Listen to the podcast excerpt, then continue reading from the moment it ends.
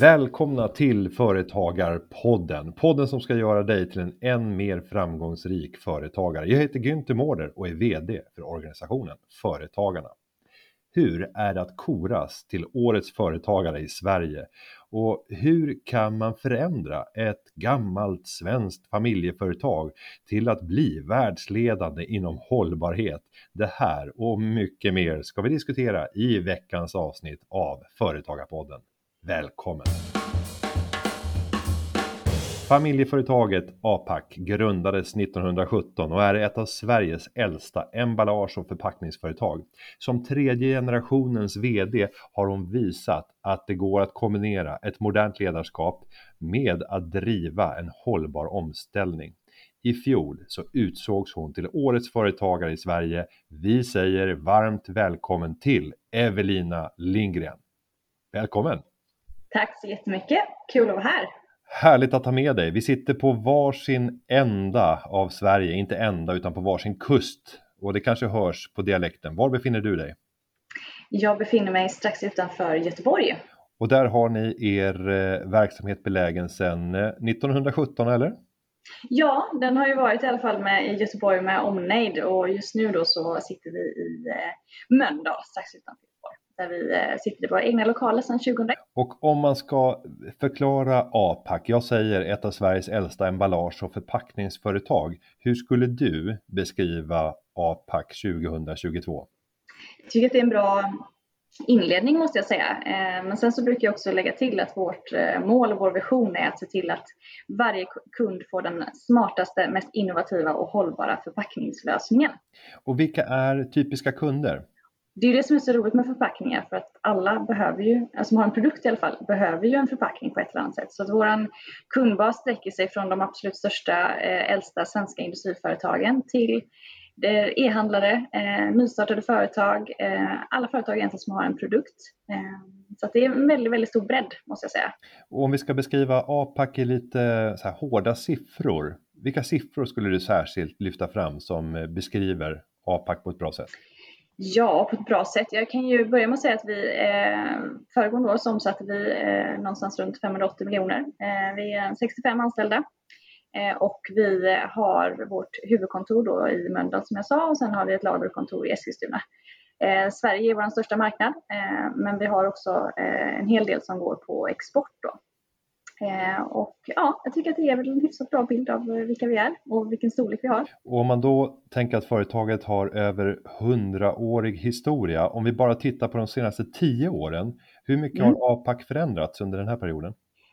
Jättemycket skulle jag vilja säga. Eh, och sen så tittar du på de där andra tio åren tillbaka så har det också förändrats väldigt mycket. Jag tror att det ligger lite i eh, liksom ett entreprenörsbolag att, att vara väldigt föränderlig och att eh, ett decennium är nästan en evighet i, i våra mått mätt. Men de senaste tio åren så har vi ju liksom vuxit väldigt kraftigt. Vi har ju mer än dubblat vår omsättning. Eh, vi har liksom, omvärlden har ju också ändrats väldigt mycket så vi har ju fått ändrats med den. Eh, så att, och med kraftig tillväxt så kommer ju också många andra saker som att man ändrar organisationskulturen, man ändrar kanske ledarskapet, man tittar på eh, affärsmodellen. Så det, det, är väldigt mycket saker som har ändrats. Men det som inte har ändrats är ju någonstans att vi fortfarande har som mål liksom, att se till att varje kund får den bästa förpackningslösningen. Det har liksom alltid varit kärnan. Men sen så har mycket saker runt omkring eh, ändrats och behövt ändras för att man behöver liksom flyta med i den eh, omvärld man lever i. Och tittar vi just på den här enorma utvecklingen som har skett under de senaste åren så mm. var det ett av de viktigaste skälen till att du utnämndes till Årets företagare i Sverige och fick ta emot eh, det hedersamma priset efter över 200 lokala finaler, 21 regionala finaler och sen den nationella finalen i Stockholms stadshus. Vad har utmärkelsen Årets företagare betytt för, för dig och för APAC?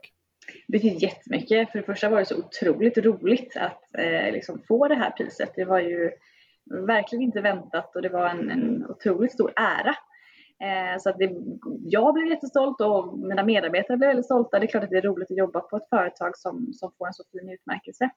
men sen efter det så upplever jag också att vi har fått väldigt fin publicitet. Eh, det ger ju också möjlighet att prata om saker och ting som man brinner för på ett sätt som, där folk lyssnar liksom för att, man har, för att man har fått det här priset. Och inte minst då när det kommer till hållbarhetsfrågor exempelvis så har det ju verkligen gett oss en, en push också i, i det arbetet som vi, eh, som vi driver när det kommer till hållbarhetsfrågor. Så fantastiskt roligt. Om vi tar just hållbarhetsfrågorna så var det någonting som särskilt utmärkte er som företag. Emballage och förpackningsindustrin Eh, ja, där kan man ju ställa många frågor kring hur hållbart är det här nya typen av, av ekonomi där det krävs enormt mycket av de här varorna som ni just levererar. Där kan man göra skillnad. Vill du berätta om på vilket sätt ser ni att ni kan göra skillnad när det kommer till just emballaget och förpackningarna? Som du säger så finns det otroligt mycket man kan göra. Ehm, och för vår del så har det egentligen inte ändrats så mycket utifrån hur vi har jobbat tidigare. Det är bara att det blir ännu mer aktuellt med tanke på den otroliga mängden eh, liksom emballage som skickas idag. Men det som är vårt största fokus och där vi kan göra störst skillnad, det är ju när man tittar på förpackningens utformning, att man vill skicka så lite luft som möjligt. Eh, jag tror att man räknar med att en tredjedel av alla lastbilar på vägarna skickar luft. Eh, så där har vi en jättestor liksom, effekt att hämta eh, om vi kan hjälpa våra kunder med det. Men sen tittar man också på materialanvändning. Man kan alltså minska materialanvändningen. Man tittar också på hur man kan återvinna och återanvända förpackningen på ett bra sätt. Och förhoppningsvis då kunna hjälpa mm, både branschen och kunderna att, att minska den här enorma mängden som, som skickas överallt. Då. Många företagare är ju rädda för att ett eh, mer omfattande hållbarhetsarbete skulle kunna vara skadligt för eh, sista raden, att arbetet skulle kosta väldigt mycket pengar. Vad är din eh, kommentar till de som tänker på det sättet? Alltså kortsiktigt kan det ju kosta pengar tänker jag eh, och det gör det ju. Men samtidigt så tror jag att man måste komma till insikt med att hållbarhet och hållbarhetsfrågor är affärskritiskt. Så om man inte jobbar med det här så kommer man på sikt ha ännu större problem med sista raden än eventuella investeringar man behöver göra i nutid eller närtid. Eh, så att jag hade nog sett det som liksom en, en nödvändighet och se att man får otroligt mycket tillbaka om man vågar satsa lite här och nu. Eh, så att ja, det, det blir mitt svar på den frågan. Och, och tar vi just det där CO2-perspektivet, koldioxidreduceringar. Eh, eh hur duktiga är vi på att eh, mäta och följa upp och, och, faktiskt vidta åtgärder när det gäller just de delarna? Vad är din, vad är din uppfattning? Alltså jag tycker att det är, alltså, både CO2 och växthusgaser generellt så är det ju en ganska, eh, jag ska inte säga lurig eh, sak att prata om, men det är ju otroligt komplext att räkna på miljöpåverkan. Så att man behöver ju vara väldigt duktig på eh, liksom transparens och tala om vad det är, vad det är man faktiskt har, eh, vad det är man, för siffror man presenterar. Och jag tror också att det finns en fara i att fokusera för mycket på siffror. Det är otroligt viktigt utifrån ett liksom, målperspektiv att se att man faktiskt når en, en förbättring. Men samtidigt blir det också lätt, ser jag i alla fall på, hos våra kunder, att man fokuserar för mycket på det. Man liksom vill ha in siffror men man är inte så intresserad av nästa steg sen att faktiskt förbättra de här siffrorna. Så jag tror att vi behöver liksom få lite tempo i att komma ifrån själva bara mätandet och sen faktiskt titta också på framstegen. Hur kan vi minska de här siffrorna? Men det är ju en resa man behöver göra. Ehm, men som sagt, det, det, det är ett lurigt område ehm, och jag tror man ska vara noga med att verkligen ha koll på vad det är man räknar på, vad hjälp man behöver och vara transparent med vad de här siffrorna faktiskt eh, innefattar. Och, och, det där är någonting som jag hör från många framgångsrika företagare. De säger att det gäller att mäta rätt saker och det som mäts, det blir gjort. Och då gäller det att hitta, så här, vad är det vi ska mäta? Eh, har du någon inspiration att dela med dig av när det kommer till vad vi ska tänka på som företagare när vi tar fram de här mättalen som vi sen kommer att styra emot? Alltså jag skulle vilja säga att vi befinner oss i precis samma läge där. Där har inte vi kommit eh, så mycket längre än övriga utan jag tror att det som vi har varit väldigt måna om är att från början när vi började det här hållbarhetsarbetet titta på vad är det som ger störst effekt? Och då har man inte kommit in på mätningen ännu utan tittar på vad kan vi göra som ger störst effekt utifrån ett hållbarhetsperspektiv. Och sen arbeta med de frågorna och sen då försöka också lägga på mätetal. Risken är att om man börjar utifrån att man vill kunna mäta och hitta liksom siffror, eh, vare sig det är koldioxid eller någonting annat, så kanske man fastnar i det och så gör man inte någon praktisk action och så blir det mycket prat och lite verkstad. Så vi har försökt titta på det utifrån ett annat perspektiv och se vad kan vi faktiskt göra, vad kan vi ha för handlingsplan och sen koppla på siffrorna i efterhand. Och det tycker jag är en ganska bra approach att ha om man känner att man står och stampar lite grann, man känner att det är svårt att driva den här frågan. Att man, det ena behöver inte utesluta det andra. Kan man inte mäta så kan man fortfarande göra för att sen koppla på siffrorna. Då. Om vi tar en fråga eh, och ett område där vi nästan har tagit det för självklart så är det ju energi och tillgången till hyggligt billig energi. Framförallt i norra Sverige men även i södra Sverige så har tillgången varit stabil och priserna hyggligt eh, okej okay, sett i ett europeiskt perspektiv. När du och jag spelar in den här podden så slår vi ett nytt elprisrekord och eh, sannolikheten är att vi kommer att slå rekord efter rekord efter rekord under den här hösten. Eh, jag vet att ni har tagit saken i eh, delvis egna händer och gjort investeringar för att minska er elförbrukning. Eh, vad skulle du ge för medskick till företagare som just nu känner en, en panik kopplat till den här prisutvecklingen som har varit på, på elen och vill göra insatser för att minska sin egen förbrukning? Ja, vi, i 2019 så tog vi beslut om att eh, vi skulle bygga ut vårt lager i eh, Mölndal. Och i samband med det så började vi också ett projekt att titta på just energieffektivisering. Så att tittar man tillbaka i tiden så var ju tajmingen för vår del alltså helt perfekt. Eh, och då tittade vi på att investera i en solcellsanläggning och det gjorde vi eh, på 850 kvadrat var den ungefär. Eh, och eh, vi minskade ganska snabbt vår elförbrukning med någonstans runt mellan 45 till 65 procent. Eh, och nu då när vi såg den här utvecklingen så bestämde vi oss då för att titta på om man kunde utöka den här solcellsanläggningen och eh, det gjorde vi och vi beställde den här innan sommaren. Eh, så nu har vi beställt ytterligare 2700 kvadratmeter vilket gör att vi på vår sajt kommer producera mer el än vad vi gör av med. Så solceller är ju en, eh, det är en dyr investering men samtidigt så tror jag att både utifrån ett liksom, kostnadsperspektiv, ett miljöperspektiv så är det en, en väldigt, väldigt bra och snabb åtgärd man kan göra om man nu sitter och har lite panik. Eh, sen kan ju leveranstiderna vara långa och det finns också väldigt många olika typer och varianter man kan, man kan titta på men, men vi har varit väldigt, väldigt nöjda med det här och sett otroliga effekter. Ehm, men samtidigt så är inte det det enda man kan göra. Vi har tittat också på all belysning mot, mot LED för att titta på den delarna. Vi har pratat om, tittat på tilläggsisolering av tak. Man kan titta på eh, andra typer av styrningar för att liksom komma ner i, eh, i både eh, energiåtgång men också kostnad såklart. Så att jag tror att, men, men solceller är ju en ganska lågt hängande, hängande frukt om man, om man sitter i lokaler som man själv äger. Annars får man ju ha en dialog med sin, sin hyresvärd här för att jag gissar att de sitter i ungefär samma sits. Liksom. Ehm, men det är en utmaning, definitivt. Och eh, den situationen vi ser nu är ju aldrig tidigare skådad. Nej, den är helt extrem. Och eh, jag tror att den här frågan kommer vara den överlägset mest dominerande under eh, hela hösten och vintern. Eh, mm. Och det skulle inte förvåna mig om vi kommer tillbaka med mängder av avsnitt av Företagarpodden som tar sikte på just vad kan du göra för att eh, minska ditt elberoende eller framförallt att sänka energiförbrukningen. Jag själv har ju varit helt absurd i ett privat perspektiv för att se hur långt kan man gå när det kommer till att sänka sin privata elförbrukning. Och jag har genom eh, ganska stora insatser ska jag säga, men lyckats sänka min energiförbrukning de senaste tre månaderna med 70 procent jämfört med motsvarande hus under motsvarande period. Och då brukade jag innan som ekonomiskt sinnad person ligga på 7-8 procent lägre elförbrukning än de flesta andra. Eh, så det går att göra enorma insatser. Sen säger jag inte att alla eh, orkar göra allt det som krävs för att nå till 70 procent, men 20 procent minskad elförbrukning tror jag att alla hushåll skulle kunna klara av och framförallt under de här topparna som vi har eh, under eh, morgonen och under tidig kväll. För er del när det gäller elpriset, jobbar ni med bundna avtal eller eh, gör ni rörliga och till och med timbaserade priser?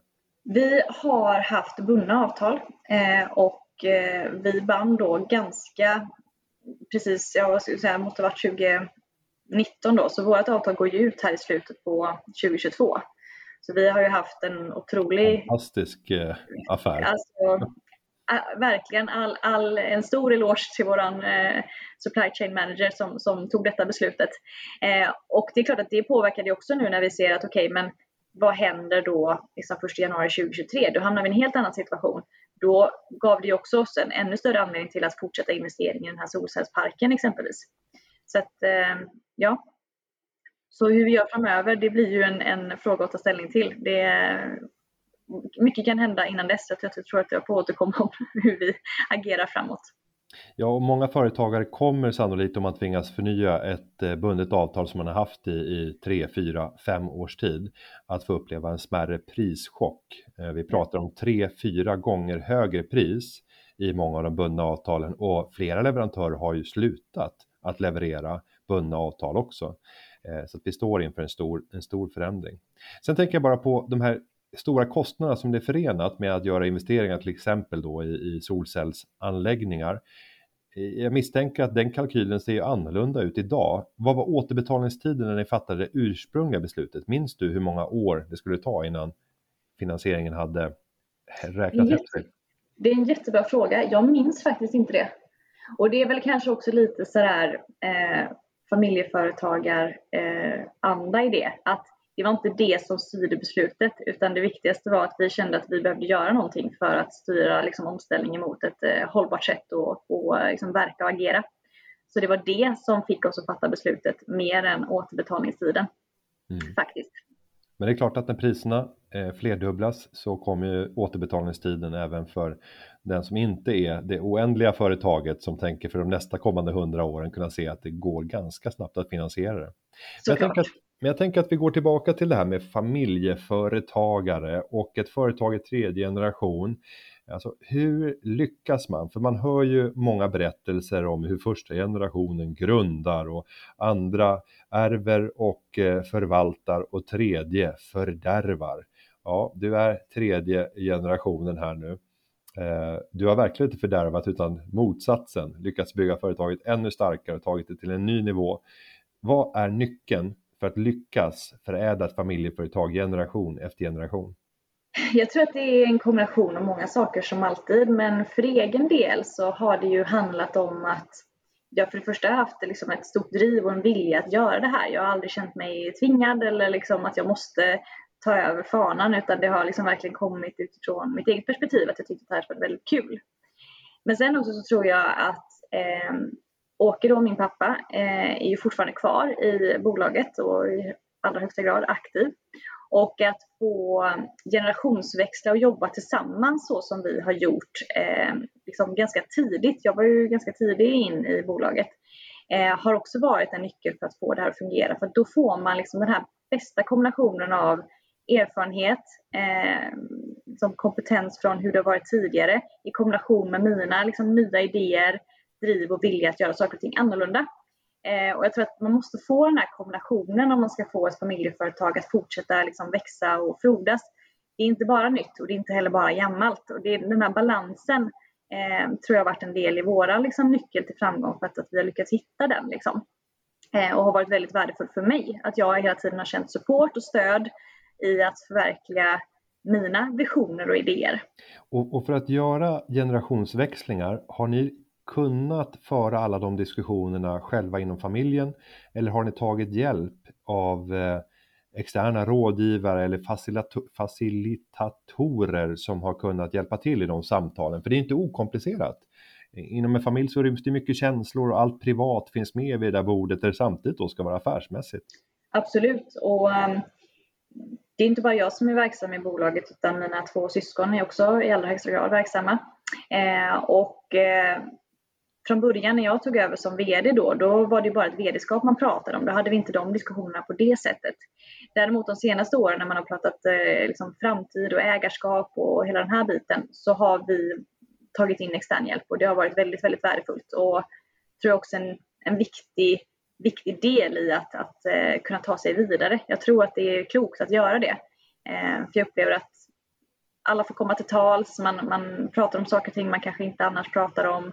Eh, och det har gett en väldigt, väldigt bra, en ny dimension i vår dialog tycker jag. Eh, plus att vi också har valt att ta in en extern styrelseordförande eh, som inte är liksom, eh, familj vilket också ger liksom en annan dimension till själva verksamheten. Så kombinationen där har ju varit väldigt eh, gynnsam tycker jag och verkligen någonting jag kan rekommendera andra. Och där sätter du fingret på någonting som få eh, familjeföretagare gör, det vill säga att organisera ett professionellt styrelsearbete och ta in en extern ledamot och i det här fallet till och med en ordförande. Eh, om du skulle marknadsföra det beslutet och säga att det här borde fler familjeföretagare göra, vad är de positiva effekterna med att ha den här, det organiserade styrelsearbetet och externa krafter i styrelsen? Jag tycker att man på ett bra sätt eh, liksom behåller liksom familjedelarna liksom och den kunskapen samtidigt som man får in en, liksom en extern eh, åsikt, en, en liksom mer objektivt sätt att se på verksamheten. För om vi tittar på liksom, den liksom, styrelse vi har är ju ganska stor del familj i övrigt. Och att inte blanda in själ och hjärta och känslor i det är ganska svårt om man inte har en extern person på plats. Men bara att, att, att sitta i ett rum med någon som inte är familj gör ju väldigt, väldigt stor skillnad och det är liksom svårt att sätta fingret på exakt vad det är. Men det ger en, en helt annan höjd till diskussionerna. Plus att för min del så har det ju varit också fantastiskt att få ett bollplank som inte är familj. Jag tycker det är fantastiskt att bolla med, med mina syskon eller mina föräldrar, men att kunna bolla med någon som har ett annat utifrån perspektiv är väldigt värdefullt i vardagen för mig som VD. Ehm, så jag skulle verkligen, verkligen vurma för att att våga ta det beslutet. Man behöver inte ta en ordförande om man känner att det känns lite, lite liksom, eh, läskigt sådär i början. Men jag skulle verkligen vurma för att, att våga ta det steget för att eh, lyfta företaget ytterligare en nivå.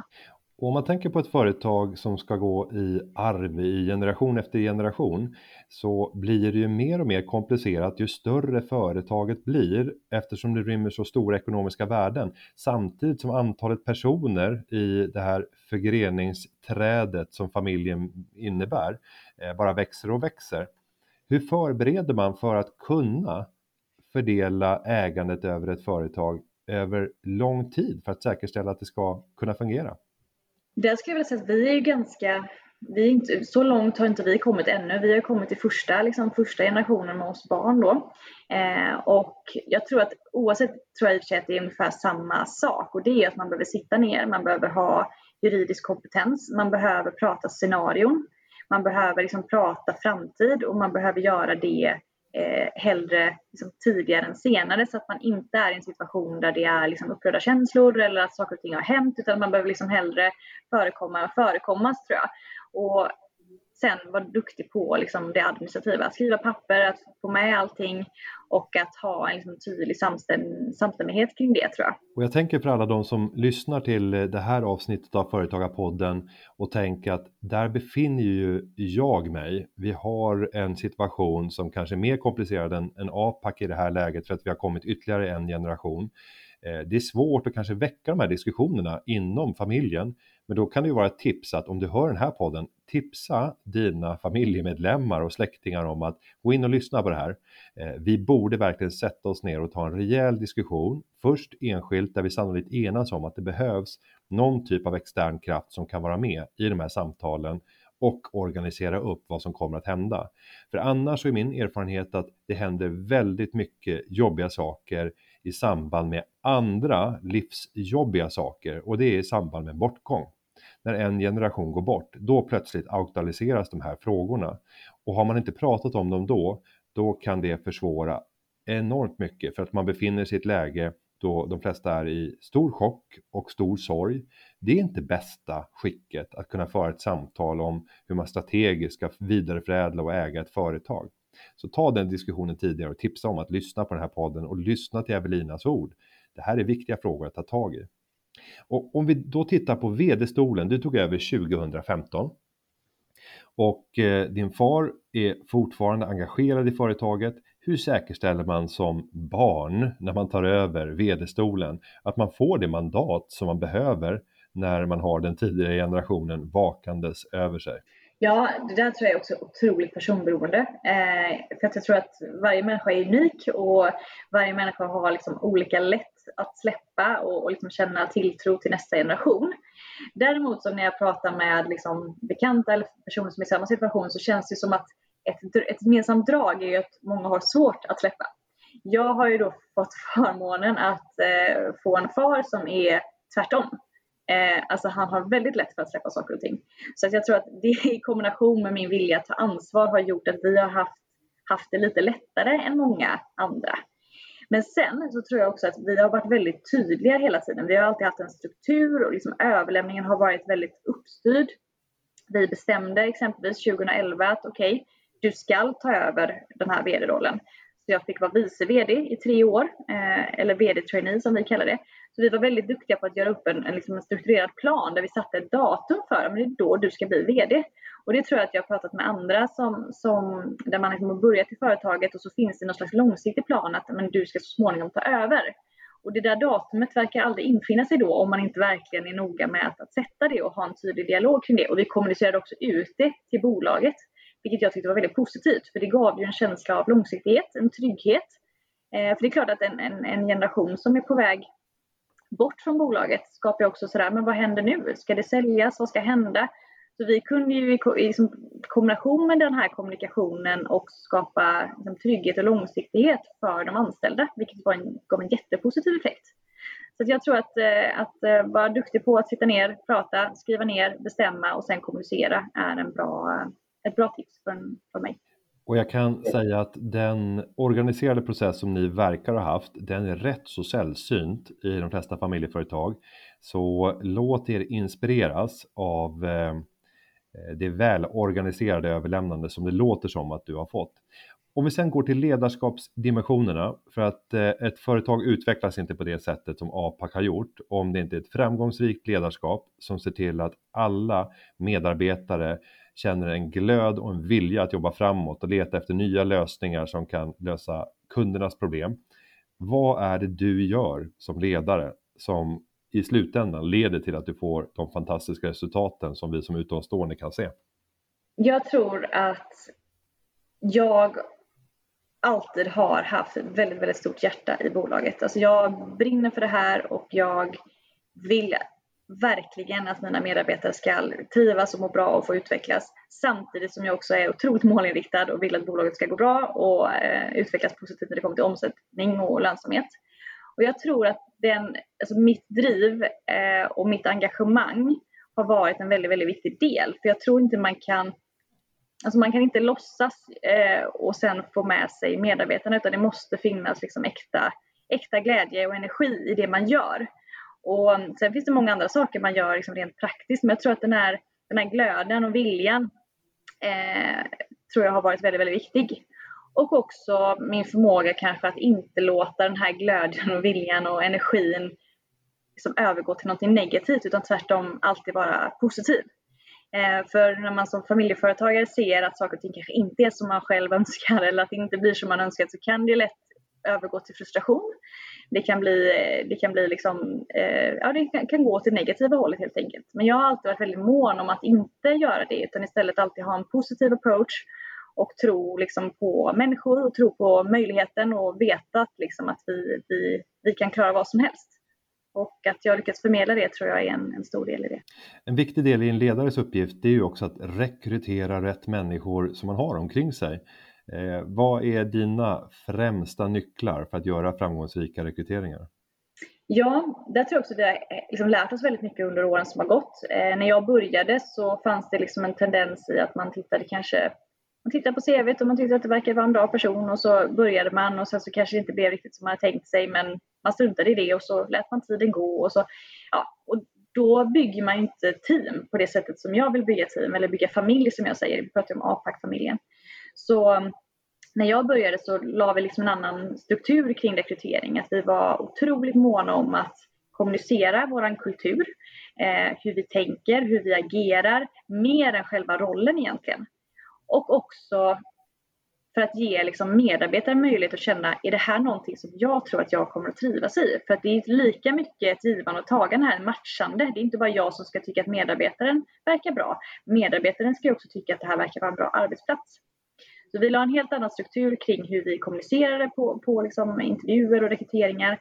Och vi lät fler personer träffa personen i fråga eh, för att verkligen säkerställa att det blev en bra matchning. För jag tror att det är inte bara en sak som gör att en person trivs på en arbetsplats eller funkar bra på en arbetsplats utan det är väldigt många olika saker. Så att jag tror att det är ett bra tips att, att verkligen sätta sin egen process kring rekrytering och vara mån om att det är liksom 50-50 för att det ska bli en riktig, riktig succé. Och sen så kan det ändå vara så att det inte blir så som man har tänkt, mig, tänkt sig. Och då tycker jag man ska vara väldigt duktig på att snabbt tala om att det här blev inte som vi hade tänkt oss. Vill du verkligen vara på den här arbetsplatsen eller kan vi hitta en annan lösning?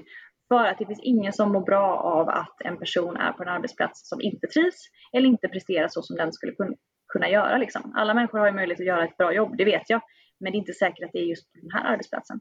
Så att eh, vara snabb med, med att ta action på saker och ting som inte fungerar är också ett bra tips tycker jag. Ja, och jag vill verkligen signera på det sistnämnda. Just duktiga företagsledare som är snabba att agera på saker, både när man ser att det här verkar funka alldeles perfekt och att då fatta beslutet om att låta den här personen få växa, ge ännu mer ansvar, investera i nya kompetenser hos den här personen. Men också när man ser att det inte verkar funka, att inte dra ut på tiden och tänka att ja, men det kommer nog lösa sig och det kanske vänder, för det gör sällan det. Eh, det är mycket bättre att våga fatta de där besluten. Och sen det här du säger om att anställa rätt personer och inte nödvändigtvis stirra sig blind på kompetenser. Det är också någonting jag hör hos många framgångsrika företagare där man säger att eh, jag letar efter rätt person, sen kan jag fylla dem med de kompetenser de behöver. Har man rätt inställning och rätt personliga egenskaper för just att, den här, att vara i den här miljön eller i den här familjen som man då kan se företaget som, ja då kan man investera rätt mycket i att de ska få alla de sakkunskaper som behövs. Men jag tänker att vi avslutningsvis ska få titta framåt, för nu har vi en väldigt eh, framgångsrikt decennium bakom APAC. Om vi tittar framåt då, vad ska hända framåt för APAC? Och vi behöver inte titta tio år utan kanske snarare begränsa oss till fem år. Kommer vi att känna igen APAC om vi skulle göra den här intervjun igen 2027? Det tror jag. Ehm, jag tycker att vi har hamnat på en plats eh, som är väldigt, väldigt bra eh, för bolaget. Ehm, men däremot så är det väldigt mycket saker som vi vill göra och jag tror att vi har haft ett väldigt starkt fokus på tillväxt under de åren som har varit och det vill vi fortsätta ha men samtidigt så vill vi ju växa på ett hållbart sätt. Eh, och vi vill göra det med lönsamheten i behåll. Så att det kommer nog bli ännu mer fokus på, på hållbarhetsfrågor och på att liksom titta på affärsmodellen och det vi faktiskt gör hos våra kunder eh, och kanske förändra det mer än att ha en otroligt stark tillväxt.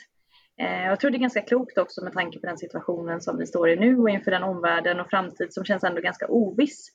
Att, eh, att vårda det man har och göra det man har ännu bättre eh, det tror jag kommer att bli en nyckel för att kunna ta sig an oavsett vad det nu är vi kommer att möta framåt. Då.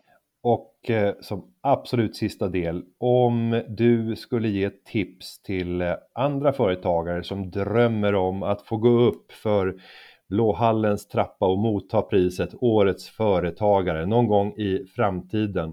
Eh, vad tror du är viktigt att eh, tänka på som företagare? Och jag fattar, du är inte i juryn, jag sitter i juryn, men du har ändå lyckats ta dig dit. Det har inte jag gjort, så att du är bättre skickad att ge tipsen. Alltså, rent konkret så tycker jag ju definitivt att man behöver titta på hur företaget ställer sig till hållbarhetsfrågor. Alltså det är jätte, jätteviktigt. Men samtidigt så tror jag också att du måste som företagare verkligen älska det du gör, brinna för det du gör och ha ett stort engagemang. För då spelar det liksom inte riktigt så stor roll vilken bransch du befinner dig i eller vad bolaget eh, liksom pysslar med. För då kommer det lysa igenom och du kommer att få, få framgång.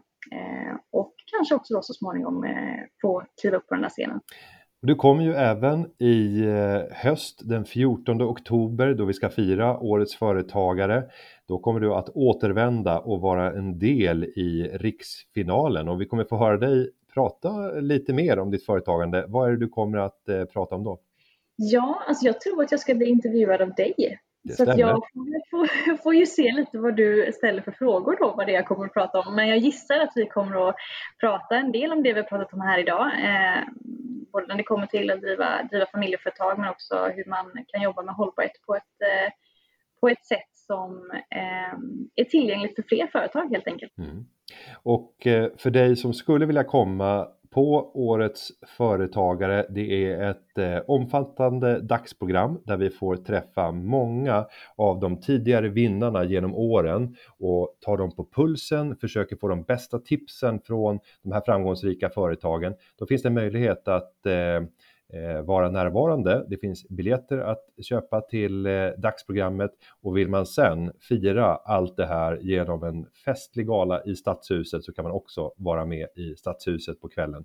Den 14 oktober, gå in på Årets Företagare så kan du signa upp för biljetter.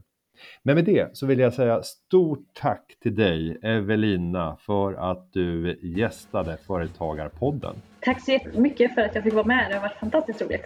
Och du kan läsa mer om programmet för årets riksfinal för årets företagare på åretsföretagare.se och boka din biljett.